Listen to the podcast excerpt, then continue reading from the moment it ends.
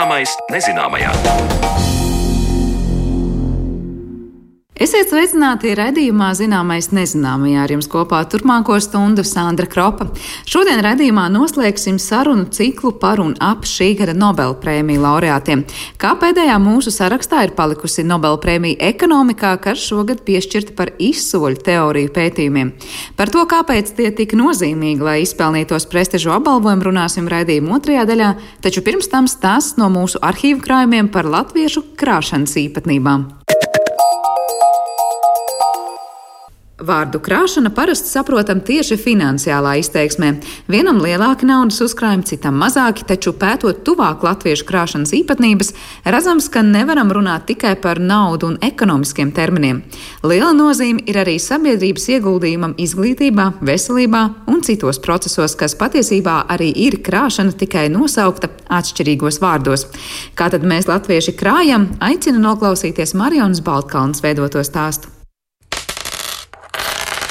It kā varētu likties, ka latvieši vēsturiski tomēr ir bijuši tādi krājēji. Ne par velti mums ir arī izteikums krāt naudu zeķē. Ja, un senčiem vienmēr stāvēja bēniņos nebaltām dienām dažādas lietas, piemēram, zārks, ja nu kāds no ģimenes aiziet uh, citā saulē un taču nodeva meitām pūru mantojumā. Vai mēs varam teikt, ka mums un vispār mūsu tautai ir šī krāšanas īpatnība? Uh, nu, tad droši vien tas tas pirmais jautājums ir, kas ir krāšana. Un no ekonomikas eh, teorijas spriežot, tad eh, zārks eh, bēniņos nebūtu krāšana. Varbūt nauda zeķē būtu tāda nu, diezgan nedroša investīciju veids, kas nenes nekādu peļņu, bet piemērs ar iezīmē nu, tādu interesantu perspektīvu, ka nevienmēr tas, ko, teiksim, formālais ekonomikas sektors uzskata par ekonomiku, nevienmēr maisaimniecību vai, vai cilvēku ikdienas dzīves līmenī tā ekonomika tiek tik šauri saprasta. Tur varbūt arī rodās nu, tā lielākā nesaprašanās, jo pēc 19. gada datiem no SEP pētījuma 22% Latvijas iedzīvotāji veido uzkrājumus bankās. Jā, šis īpatsvars ir viens no, no tādiem zemākajiem Eiropā. Kā stāsta Latvijas Universitātes asociētā profesore, sociāla antropoloģe Aivita Putniņa, lai gan ar krāšanu ekonomiskā skatījumā netiek īsti saprastas kādas lietas, kurās tiek ieguldīts, tieši to lielākoties dara Latvijas iedzīvotāji - iegulda kaut kam vai kāda labā. Te nu arī parādās uzskatu dažādība kā šo krāšanu saprot ekonomisti un kā antropologi. Un antropologi teiktu, ka uz ekonomikas sektoru mēs nedrīkstam tik šauri raudzīties. Ja skatāmies tikai uz banku datiem, tad gribas saprast, vai tiešām cilvēkiem nav uzkrājumu un kur tad nauda paliek. Lai uz šiem jautājumiem atbildētu, mums uz ekonomiku jāpalūkojas kā uz krietni plašāku attiecību tīklu, kas iziet ārpus formālajām ekonomikas robežām un tad jau arī tas zārks tiktu ieskaitīts.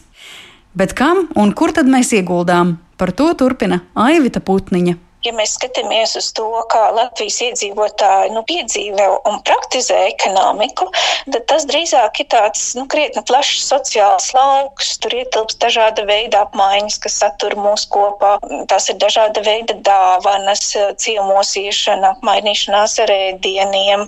Tā ir kopīgas eh, vērtības, kas kopienai ir ārkārtīgi svarīgas, kur cilvēki investē laiku un naudu, nu, piemēram, savas lauku mājas, kur cilvēki brauc brauc strādāt un audzēt dārzeņus, kas izmaksā krietni vairāk nekā tad, ja būtu jāpērk tirgu. Vai tās ir investīcijas tādos kopīgos identitātes simbolos un vērtībās, kā piemēram izglītības sistēma. Otrs sektors, teiksim, ir veselības sektors, kur arī mums ir viena no tādiem augstākajiem pacientu līdzmaksājumiem, bet eh, veselība savukārt ir šī vērtība, kur gan valsts pēc noklusējuma pieņem, gan arī cilvēki pieņem, ka nu, tas ir kaut kas tāds, nu, kurā būs jāiegulda vajadzības gadījumā. Un, um, ja paši nevar, tad sabiedrība palīdz izmantojot šos ziedojumu dažādās akcijas, lai mēģinātu sekt tās vajadzības. Un augstākā izglītība, te arī ir tās izmaksas, kas ir vajadzīgas vajadzīgas, tiksim, studējot, ne tikai studiju maksas, bet uh, arī izdzīvošanu studiju laikā. Tās ir izmaksas, ko Latvijā sēdz ģimenes, bet uh, mēs nu, kaut kā viņas neredzam ikdienā. Mēs esam tās nolikušas nu, tādā vērtību līmenī, kas ir pats par sevi saprotams, ka izglītība ir vajadzīga, ka veselība ir vajadzīga. Ja to zārku agrāk varēja redzēt, tad tagad tās ir vairāk nu, tādas vērtības, kuras mēs nu, nepamanām. Arī agrāk tas zārks bija nu, tāda pati par sevi saprotama realitāte. Un tagad daudzām ģimenēm tie ir ieguldījumi interešu izglītībā, bērniem, tiksim, iesaistīšanās bērnu vadāšanā pa šiem um, dažādiem interešu izglītības pulciņiem. Ja, tas ir nu, ģimeņu solidaritāte, skolojot bērnus. Līdz ar to, ja mēs skatāmies plašāk, ir redzams, ka ekonomika ir cieši saistīta ar cilvēka sociālās dzīves dažādiem aspektiem, tostarp Aivitas Putniņas pieminētās sociālā solidaritāte un atbildība. 2012. gadā Latvijas Universitātes antropoloģijas studiju nodeļa sadarbībā ar Latvijas Komercbanku asociāciju veica pētījumu, dziļāk aplūkojot iepriekšējo ekonomisko krīzi, kas sākās 2008. gadā. Jautājot cilvēkiem, uz ko viņi paļautos nākamās krīzes laikā, atbilde bijusi, ka tie būtu draugi un ģimene. Turklāt šādu atbildi biežāk snieguši tieši jaunieši 15 līdz 20 gadu vecumā, bet pieaugušie norādījuši, ka pārtikas uzkrājumi viņiem pat ir daudz svarīgāki nekā naudas uzkrājumi, un šāda bartera apmaiņa pārtikas jomā cilvēkiem ļāva elastīgāk izdzīvot, un tas joprojām ir svarīgi. Aivita Putniņa norāda, ka zemāka uzticība banku sektoram veidojas postsociālisma valstīs, kas piedzīvojušas dažādus banku sistēmas satricinājumus, taču skatīšanās tikai uz finanšu ieguldījumiem ir gana neprecīza, jo cilvēki iegulda arī citās lietās. Viena no stabilākajām un drošākajām lietām uzkrājumiem ir nekustamais īpašums. Pētījumā cilvēki to komentējuši šādi ja es šo mantu nopērku, es to varu lietot, un tā ir vērtība.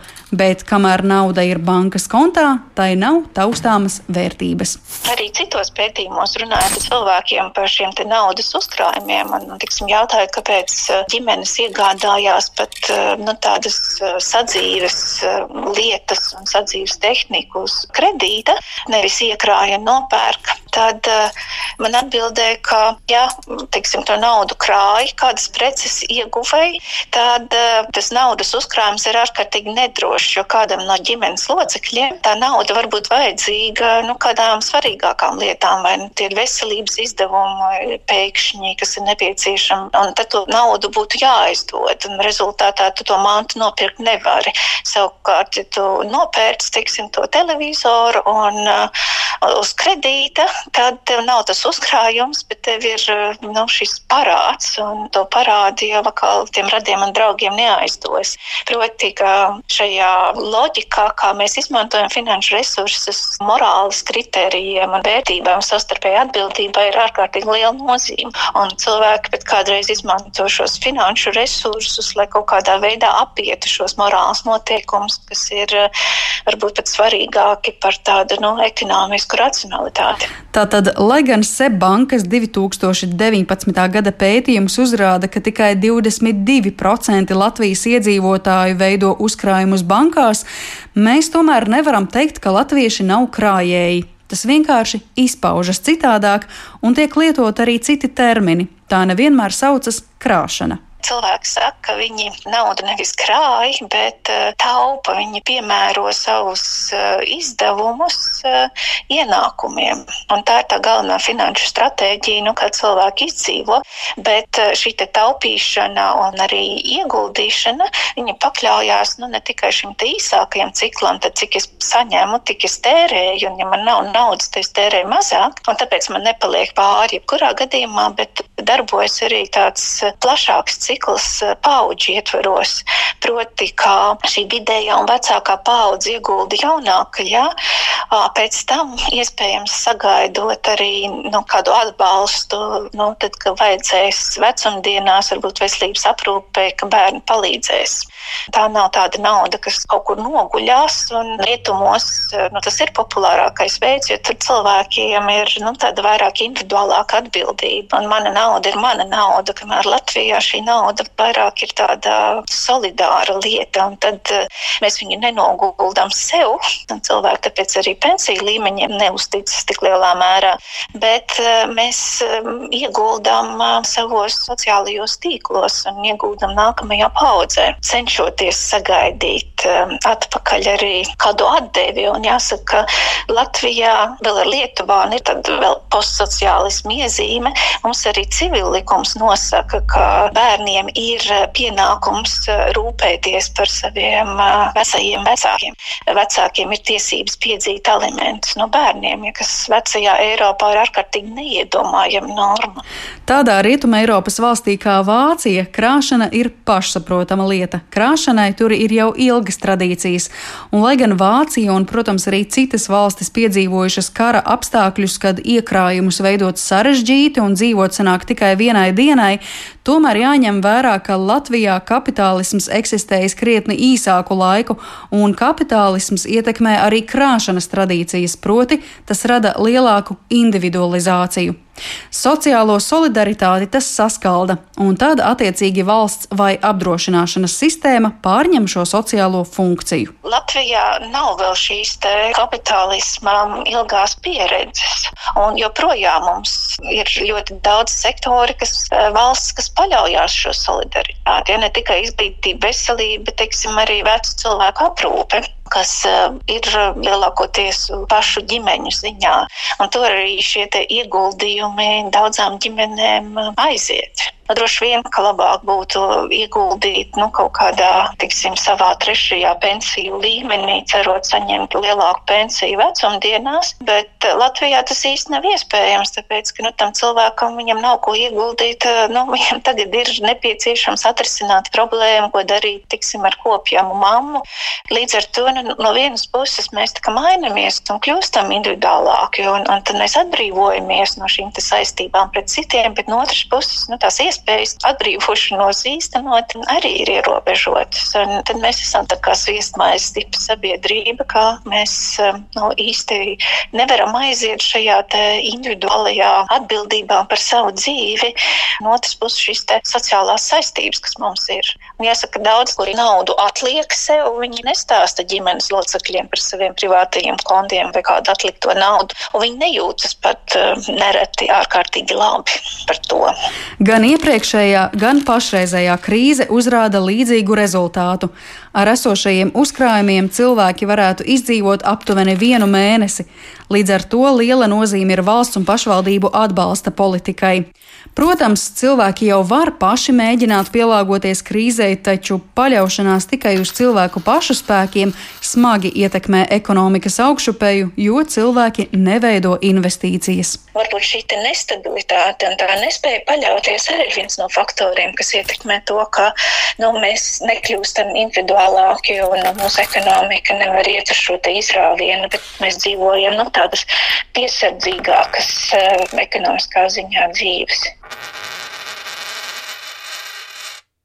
Par to, cik Latvijā dažādi krājumi un kādi faktori to ietekmē, manai kolēģei Marionā Baltkalnē stāstīja Latvijas Universitātes asociētā profesore, sociāla antropoloģa Aivita Putniņa. Bet raidījuma otrajā daļā runāsim par sasniegumiem, kas šogad godināti ar Nobela prēmiju ekonomikā.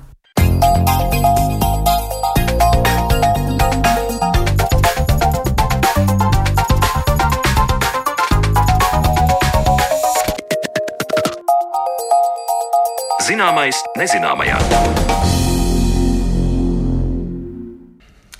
Noslēdzot sarunas par šī gada Nobelpremiju saņēmējiem, šodien mēs pievērsīsimies ekonomikai, kur prestižais apbalvojums ticis ASV Stanforda Universitātes pētniekiem Polam Milgramam un Robertam Vilsonam par izsoļu teorijas pētījumiem.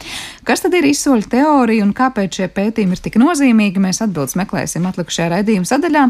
Jau uz sarunu esam aicinājuši Latvijas Universitātes biznesa ekonomikas un vadības fakultātes lektoru Mārtiņu Danuseviču. Labdien!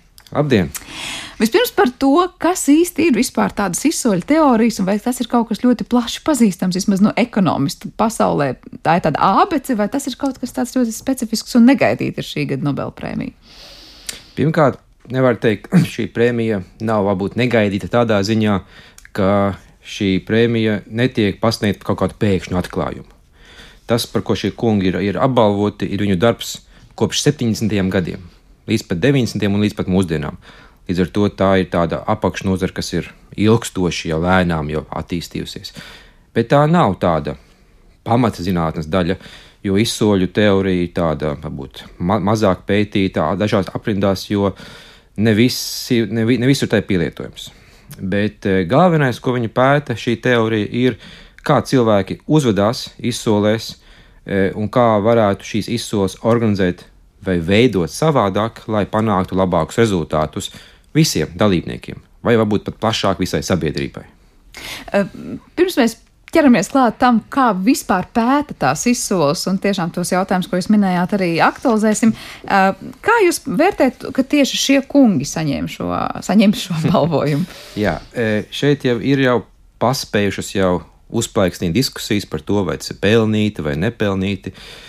No vienas puses, protams, ka viņi ir ieguldījuši būtisku artavu ekonomikas zinātnē, un šīs viņu, šie viņu risinājumi, kā labāk rīkot izsoles, ir būtiski palīdzējuši daudzos pasaules tirgos, e, sevišķi te ir runa par viņu ieguldījumu e, radiofrekvenču tirzniecībā. No otras puses, ir cilvēki, kas arī nav īsti apmierināti un saka, ka šis, te, šī balva ir pasniegta par sasniegumiem, kas īsti nesniedz sabiedrisku labumu. Jo skaidrs, ka ekonomikas uzdevums bieži vien ir, ir pētīt, kā lai mēs panākam to, ka visa sabiedrība ir ieguvēja. Protams, ka tā diskusija turpināsies, es domāju, un cilvēki arī ir bijušas arī iebildumi, ka, nu jā, ka šī pandēmijas laikā varēja būt balva par kaut ko citu, kas ir vairāk saistīts ar ekonomikas atlapšanu pēc pandēmijas. Bet te jāatzīmē, ka šī balva tomēr nav paredzēta par šī brīža sasniegumiem, bet gan par tādu kā mūža ieguldījumu ekonomikā. Nu, tas parasti Nobel prēmijās laikam ir raksturīgs, ka varbūt arī kaut kas, kas ir pētīts pirms vairākām desmit gadiem un tiek apbalvots tieši šogad. Jā, jūs te pirms sarunas teicāt, ka Nobel prēmija ekonomikā nebūtu nav Nobel prēmija. Kas tur Jā. pa joku slēpjas? Nu, sās ir tāda, ka sākotnēji Nobel prēmija, protams, ir dabas zinātnēs, ķīmijā, bioloģijā, piņem ir citās nozarēs, bet tieši ekonomikā pati šī Nobel prēmija kā tāda nav formāli tā saucās Zviedrijas centrālās bankas Nobela piemiņas prēmija ekonomikā. Bet nu, tas tā kā mm, idejas, ka tiek pielīdzināts. Idejas, ka tas tiek pielīdzināts, jā, bet, protams, ka ir viena lieta, ir, ir tā saucamās STEM zinātnes, cita lieta ir būt sociālā zinātnes. Tātad šis te, šī prēmija ir tāda kā atsevišķa no tā kopējā bariņa. Līdz ar to mēdz būt iekšēji. Bet, ja kurā gadījumā nu, izvērtēti tie nu, atklājumi, ja tā var teikt, vai pētījumi jau tiek līdzvērtīgi, tad vai tas ir devis eh, labumu mm, cilvēcēm? Ko ar šīm izsolēm, tagad pievēršoties tieši viņu pētījumiem, viņi ir izdarījuši tādu, par ko tā, tā prēmija tiek, tiek piešķirta? Viņi var teikt, vispār izstrādāja to pašu teoriju un vispār pētīja? Nē, noteikti kā... nē. E, nu, ja, ja mēs atkāpjamies varbūt uz to sākumu punktu, vispār, kāpēc vajag izsoli sākotnēji. Jo ikdienā mēs ar jums ejam uz veikalu, pērkam preces vai izmantojam pakalpojumus, un mums ir cena jau stāv plauktā. Mēs zinām, cik tas maksā piena paka vai cik maksā automašīna veikalā. Līdz ar to pieši kā vajag izsoles tādā gadījumā. Bet ir situācijas, kad ir preces, kuras ir ļoti ierobežotā daudzumā. Viņi ir ļoti mazi, vērtīga glezna, monēta, meistardarbs vai reta skulptūra vai naftas ieguves e, Ziemeļjūrā. Ir ļoti ierobežots objekts, un līdz ar to mēs īsti nezinām, kādu viņam likt cenu. Teiksim, ja es esmu atradzis savā pagrabā senu e, purvīša gleznu, es nezinu, cik viņa maksā. Līdz ar to izsole man radās kā instruments, kurus varētu uzzināt. Jo cilvēks, katrs pircējs, kas atnāk uz izsoli, viņš tad piedāvā savu vērtējumu tam, cik viņam šķiet tā cena maksā, un tādēļ es to cenu beigās atradīšu. Un, e, protams, ar laiku šo sistēmu nācās attīstīt, jo viņai sākās visādi trūkumi un nepilnības. Un ar laiku radās vairāki izsoļu veidi, un mēs tā kā tojamies tam, ko šie kungi arī piedāvāja. Un te būtu jāatšķir varbūt divi virzieni. Mēs parasti zinām, izsoles pieņemu, visiem tā aina galvā ir, ka ir kāds pārdevējs, kurš skaļi sauc cenas 10 eiro, kurš vēl vairāk 20 eiro, kurš vēl vairāk 30 eiro ka ir augšupejošas cenas izsole, kas pasaka lielāko cenu, tas ir uzvarējis. Ir arī citas izsoles, ir tapušas. Savulaik tika tapa arī izsole ar lejupejošu cenu. Tas ir tas, ko izmanto tā sauktā holandiešu izsole, kas tapa topju tirzniecībai. Pārdevējs nosauc ļoti, ļoti augstu cenu, pamazām to cenu pazemina, un tiklīdz kāds ir gatavs pirkt to tulpju partiju par šādu cenu, viņš piesakās. Sanāk, it kā mēs ejam no otras puses. Izsole ir mazāk dramatiska, nav tā kliēkšana un tam līdzīgi, bet beigās mēs arī uzzinām, kura ir tā augstākā cena, ko kāds būtu gatavs maksāt. Bet arī ar to nepietika. Arī šeit bija visās problēmas, radās teiksim, problēma ar atvērto augšupējošo cenas izsoli, varbūt ir tāda, ka nu, tā nav īsti piemērota tādiem formāliem pasākumiem teiksim, valdības izdomāja, ka viņiem vajag savu formātu, teiksim, izmantoja slēgtā piedāvājuma izsoli. Kā tas darbojas? Šajā gadījumā katrs, kas vēlās nopirkt kaut ko, pieņemsim, aploksnē ieliek savu skaitli, savu cenu, ko viņš gatavs maksāt, iesniedz to pārdevējam. Kad visi ir iesnieguši aploksnes, pārdevējs atver visas aploksnes, un to, kuram ir lielākais skaitlis, tas ir nopircis šo, šo preci. Un šeit, un principā tas tapa arī tādēļ, lai risinātu dzīves problēmas problēma, teiksim, korupcija. Ja mums ir atvērta izsole, gan jau bieži bijušās filmas, vai kuras ir dramatizēts, ka kāds tur krāpjas vai izliekās par pircēju, lai uzsistu cenu, vai kāds kaut kādā veidā tur e, izliekās, ka viņš cenu pazemina, šāda slēgta izsole neļauj tik viegli manipulēt. Un tas arī palīdz arī valsts institūcijām kontrolēt, vai tiešām viss ir godīgi, jo mums ir dokumenti, mums ir papīri, kur kāds ir iesniedzis šo pieteikumu. Bet arī ar to neapstājās. Un, e, tas, kas jau ir tuvāk tam, ko arī ko, šo kungu kādiem risinājumiem, ir tāda kā mūsdienīgāka ideja, ko principā es pieņemu tā, gan jau jūs esat šorīt kaut ko meklējusi internetā. Šorīt īstenībā vēl, nu, vēl nē. Noscīt, jā, vēl nē. Bet vakar gan jau kaut, kaut ko meklējāt. Jūs kaut ko meklējāt kādā meklēšanas programmā, un pirmais, ko jūs ieraudzījāt, bija reklāma. Pat par to reklāmu kāds bija samaksājis. Un E, par šo reklāmu bija vairāki reklāmu devēji, kas cīnījās par iespēju jums parādīt to reklāmu e, internetā. Un viņi cīnās ar to, ka viņi arī taisa mini izsoli. Viņi katru soli, es maksāšu 10 centus par šo, par šo lietotāju, es maksāšu 5 centus, kurš uzvarēs. Bet e, šeit parādījās jauns princips, otrās cenas izsole. Ideja sakojoša, ka katrs piedāvā savu cenu, un e, tas, kurš piedāvā visaugstāko cenu, uzvarēja. Bet viņš maksā tik daudz, cik piedāvāja otrs augstākās likmes devējs, plus tur viens cents, teiksim. Kāpēc tāda sistēma? Kāpēc Jā. nevarētu būt tā, ka nu, tik cik viņš piedāvāja, tik viņš arī maksā? Jā, sistēma tiešām sākotnēji liekas, liekas ne, ne, neloģiska, jā. bet atkal tur ir kaut kāds dizaina elements iebūvēts tajā visā. E, piemēram, varētu būt situācija, lai to ilustrētu, ka jūs vēlaties kaut ko nopirkt internetā, un tur ir izsole. Un e, jūs neesat gatavi visu dienu sēdēt un sekot līdzi tai cenai, kas pašlaik ir, lai liktu uz laiku augstāku cenu, jo izsole ilgst vairākas dienas. Nevienam nav laika vairāk dienas sēdēt internetā, nu, kā, kādam ir varbūt. Jā. Līdz ar to mēs varam pateikt, es solu par šo brīnišķīgo vāzi 100 eiro. Bet es pasaku, ka šie 100 eiro ir tas, ko es esmu gatavs maksāt. Un e, es it kā autorizēju to interneta vietni, lai viņa manā vietā likmes paaugstina tā, lai mana likme vienmēr būtu par vienu centu augstāka nekā, nekā tam konkurentam, kurš par to pa, pašu vāzi cīnās. Līdz ar to šī mana likme 100 eiro nav tas, ko es gribu maksāt, bet tā ir tā summa, ko es esmu gatavs ieguldīt, bet es paturu to kā rezervi. Bet kāpēc nevarētu būt tā, tikko kā kāds, kurš redz, lūk, viens ir uzlicis 100 eiro kā Jā. savu gatavību maksāt, ar to arī viss izsoli beidzās. Mēs atdodam tam, kurš ir pateicis, nu, 100 ir tā robeža. Tāpēc, ka, nu, it kā sanāk, ka te viņš, te ir tā doma tāda, ka mēs šādi mēģinam motivēt visus to cenu bišķi uzsist. Jo visi ir interesēti tagad to cenu bišķi tā agresīvāk likt šo, šo, šo, šo savu likmi. E, tā tad kā, tas kā, kā sniedz tādu kā automatizācijas elementu. Jo tas, kas notiek mūsdienās, izsoles jau bieži vien nav cilvēki, kas sit amurīti. Tas ir programmas, kas to dara automātiski. Un it kā tā pirmā likme ir, ir, ir tā kā mans budžets, ko esmu gatavs tam veltīt, un otrais cilvēks saka, es likšu 50 eiro, programma manā vietā automātiski uzliek 51 eiro, jo viņi zina, ka es esmu gatavs iet līdz 100 ja konkurence uzliks 60 eiro, mana programma uzliks automātiski, automātiski 61 eiro. It kā es tā kā deleģēju. Bet kas notiks, ja konkurence uzliks 150 eiro? Tas nozīmē, nu, ka uzreiz skaist, automātiski viņš vējā. jau ir uzreiz, jā. vai tur vēl ir iespēja vēl pārlikt? Viņš maksās, 100, tad viņš maksās 101 eiro, bet viņš uzvarēs ar 150 eiro likmi. Nu, šeit tie mehānismi kļūst jau tādi kompleksi, bet viņu mērķis ir it kā padarīt to visu automatizētāku lai programmai nav visu laiku jāprasa man, cik es esmu gatavs paaugstināt likmi. Viņa jau zina manu robežu, ko esmu sev galvā rezervējis. Tad sanāk, tie kungi, kas saņem Nobel prēmiju, šobrīd ko ir izdarījuši šajā visā? Viņi vēl nav tikuši līdz tai vietai. Viņi tiek pārdās tālāk. Jo šeit tā saka nākamā problēma. Kā jums šķiet, tas, kurš ir uzvarējis izsolē, vai viņš ir uzvarētājs?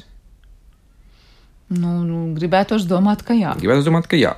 Bet ir šis paradoks, par ko arī šie kungi sāk runāt, ir tas, ka ir tā sauktais uzvarētāja lāsts. Ka patiesībā uzvarētājam principā ir zināms lāsts, ka viņš zināmā mērā ir zaudējis. Kāpēc? Kāpēc? E, ir tā lieta, kā precei cena kaut kāda. Teiksim, mēs teiksim, tirgojam, piemēram, mēs atradām Baltijas jūrā naftas atradnes. Mēs zinām, ka viņas tur ir. Bet mums nav ne jausmas, cik tur ir naftas. Mēs zinām, tur varbūt vairāk vai mazāk šīs naftas, un neviens nezina, cik tā nafta ir vērta. Vai tie ir 10 miljardi, vai tie ir 20 miljardi, mēs nezinām. Tāpēc mēs rīkojam izsoli.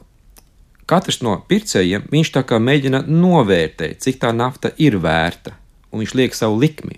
Viens saka, man liekas, ka 20 miljardi, otrs domā, ka 30 miljardi.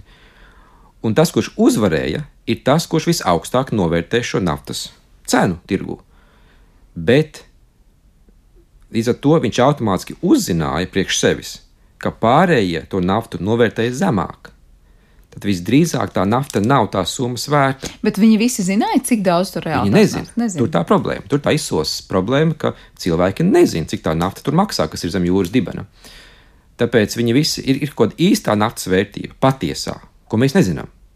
Un skaidrs, ka daļa cilvēku padomās, ka viņi ir mazāk vērta, daļa padomās, ka vairāk vērta. Uzvarēs tas, kurš padomās, ka viņi ir vairāk vērta. Viņš automātiski zaudēs naudu. Jo reāli viņš to naftu sāks iegūt, atklās, ka tā nafta ir mazāk vērta nekā viņš samaksāja. Viņam ir zaudējumi.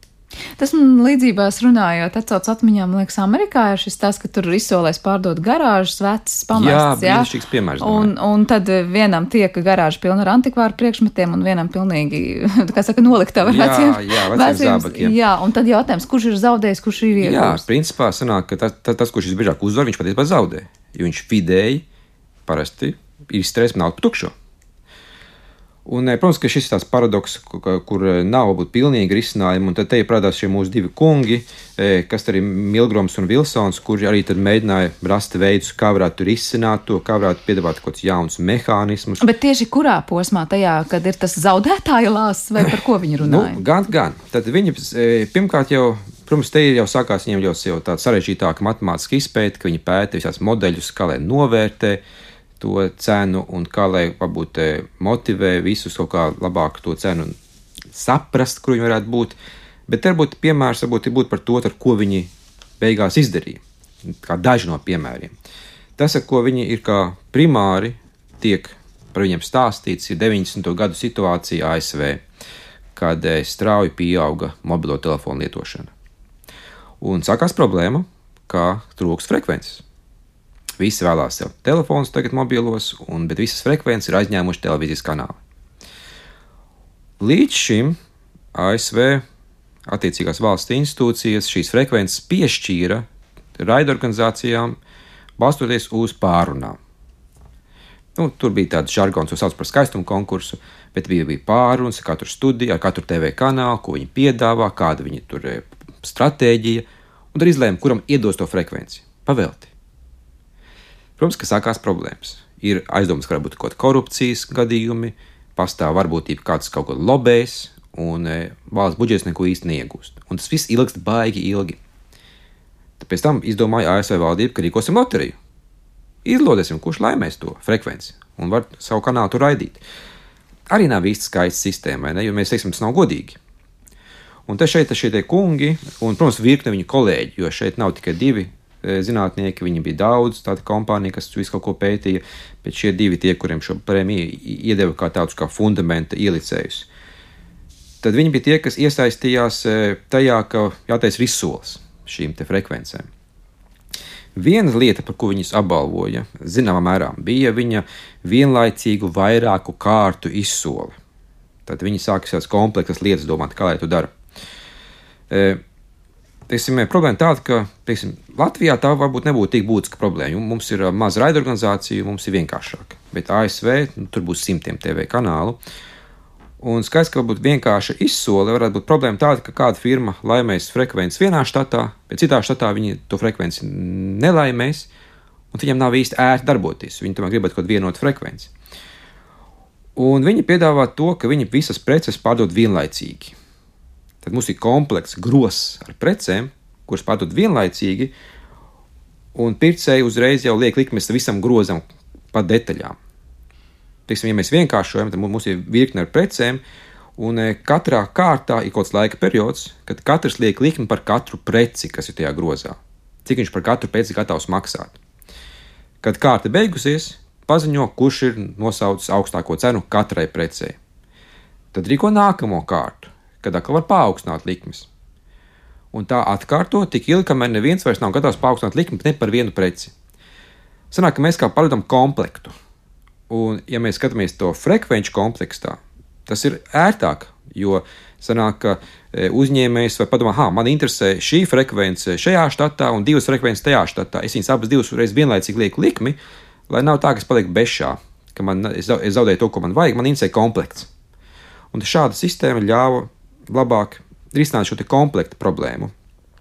Plusā viņi vēl ieviesīja tādu mehānismu kā e, aktivitātes noteikums. Viņi teica, ja jūs vienā kārtā neko nedarāt, nepaukstināt nevienu likmi, jūs izstājaties no izsoles. Ah, lai nav tā, ka viens visu laiku sēž un Jā, beigās. Jo viens sēž, pārējos vēro, domā, kas notiek, un tad pēdējā brīdī pēkšņi nāk ar savu piedāvājumu. Līdz ar to viņi tā kā, pēc būtības tā viņa ieguldījums, tas, ka viņi veido mehānismu, izdomā jaunus spēles noteikumus, kuru mērķis ir panākt, lai visi būtu aktīvi, lai visi būtu maksimāli godīgi izsolē, un lai visi varētu pēc iespējas labāk sadalīt to produktu, lai būtu visiem tiktu tas, ko viņi grib.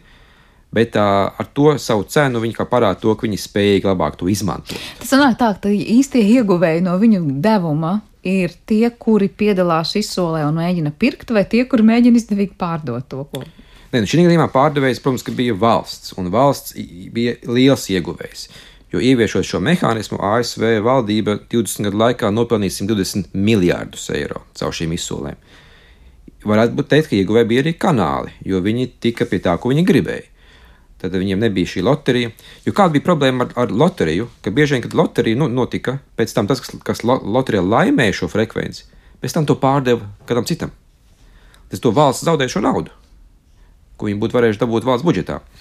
Tā kā mērķis šeit principā ir ļaut atvieglot sistēmu, ļaut valstī iegūt savu kaut kādu daļu priekš valsts budžeta un uzņēmējiem piedāvāt mehānismu, kas visus apmierina un kas ļauj risināt viņu savstarpēju. Vai tā tad zelta vidusceļu mēģināja meklēt? Principā jā, kungi. jo bieži vien šeit skan, izskan vārds tirgus līdzsvars, jo izsola mēģina atrast to tirgus līdzsvaru. Jo mūsu mērķis atrast tādu, tādu cenu, kur visi būtu laimīgi. Gan uzņēmējs ir laimīgs, viņš ir dabūjis, ko viņš gribēja, un valsts ir laimīga, viņa dabūja savu naudu.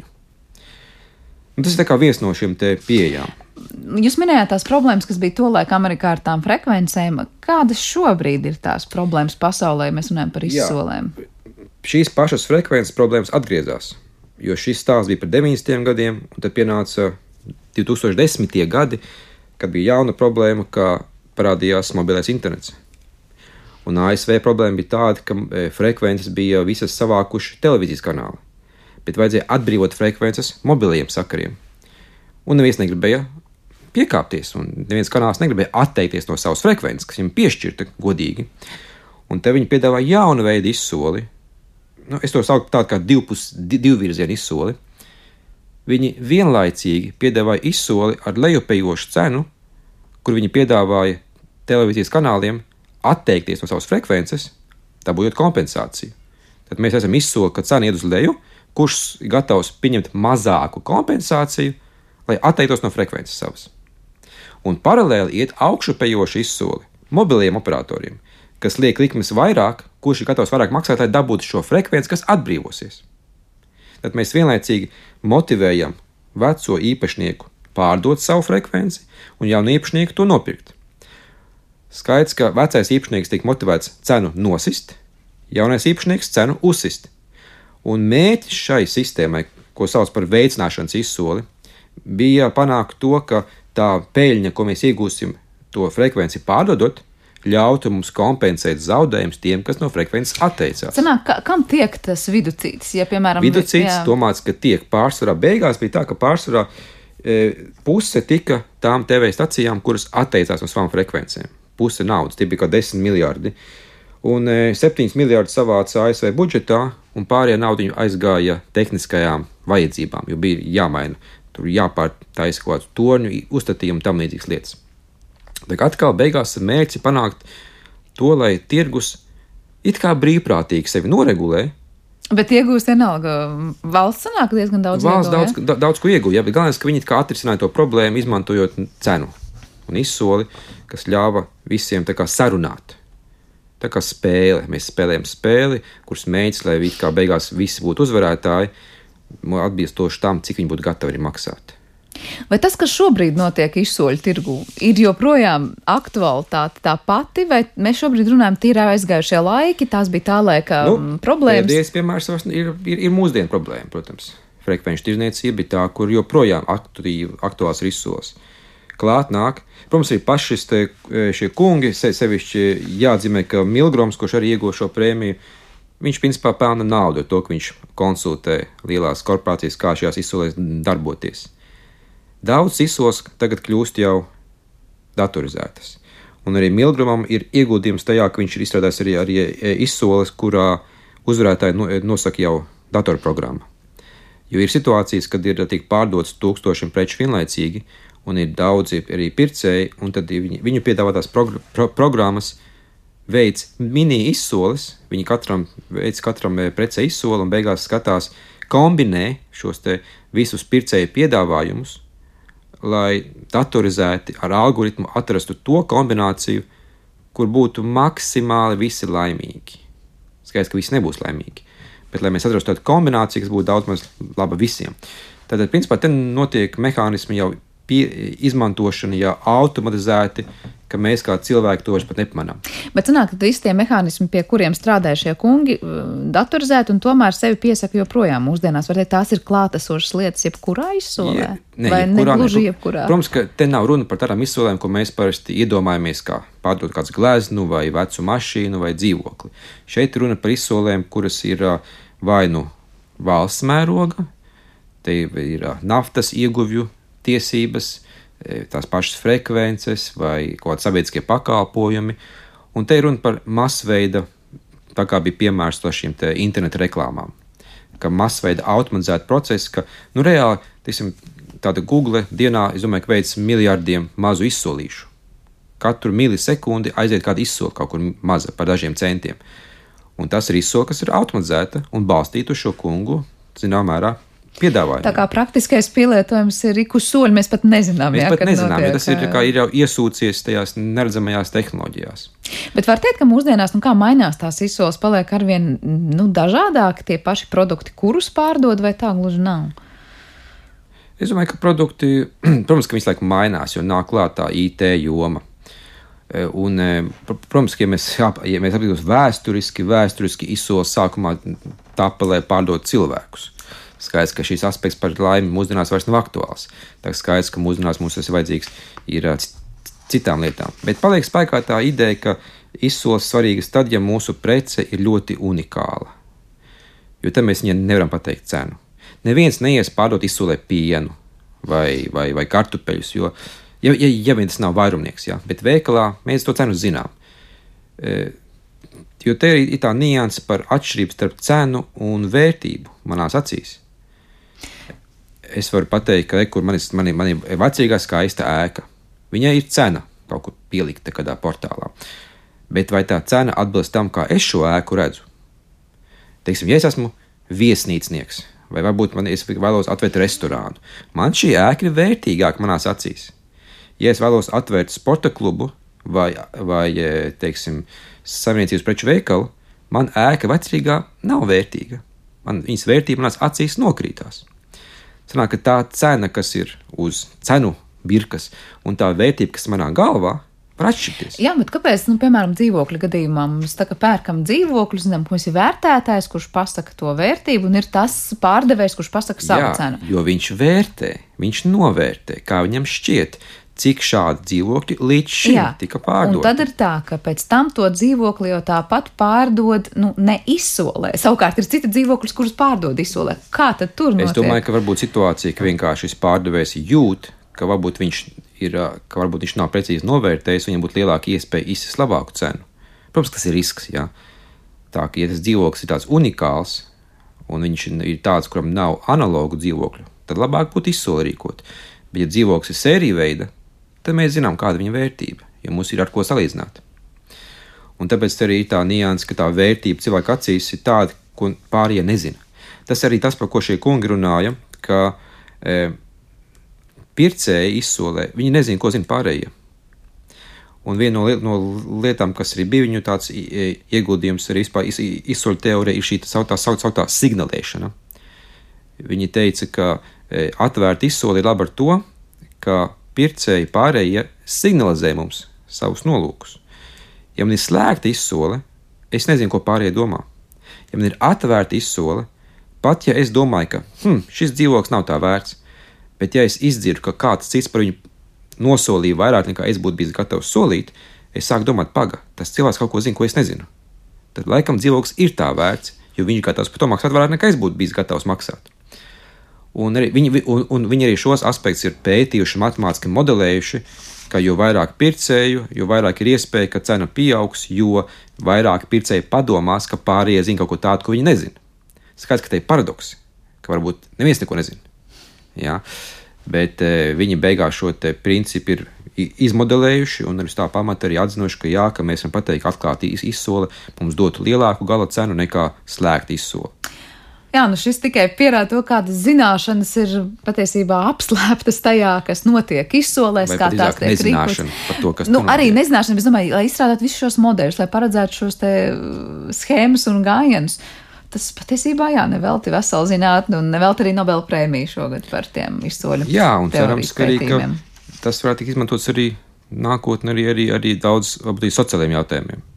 Jo šobrīd mēs esam tādā situācijā, kad teiksim, drīz, drīz būs jautājums tāds, pasaules priekšā, ko mēs darīsim ar vakcīnām. Mēs zinām, ka vakcīnu skaits ir ierobežots, bet cilvēku skaits pasaules ļoti liels, un es nebrīnītos, ka teiksim, nākamgad kāds nāks ar klajā ar kādiem priekšlikumiem, kā rīkot izsoles par vakcīnu pārdošanu. Jā, jauni jautājumi, jauns atbildes, kas mums sagaida. Lielas paldies par šo sarunu. Latvijas Universitātes biznesa ekonomikas un vadības fakultātes lektors Mārtiņš Danusevičs šodien pie mums viesojās raidījuma zināmais nezināmajā studijā.